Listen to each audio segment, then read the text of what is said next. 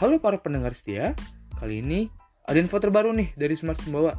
Iya, bener banget.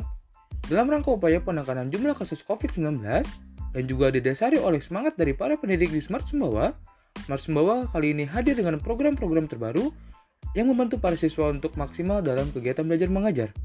Apa saja sih programnya? Yuk mari kita simak. Yang pertama adalah home visit. Merupakan kunjungan-kunjungan dari guru-guru Smart Sumbawa ke setiap rumah siswa dengan mengikuti protokol kesehatan yang ada dan juga sesuai dengan jadwal-jadwal yang telah diatur. Yang kedua, adanya study group discussion. Kegiatan ini berupa para siswa yang datang ke tempat bimbel belajar Smart Sumbawa dalam bentuk kelompok-kelompok yang kecil. Tentunya dengan jadwal yang telah diatur dan juga mengikuti protokol kesehatan yang ada. Yang ketiga, adanya video tutorial problem solving.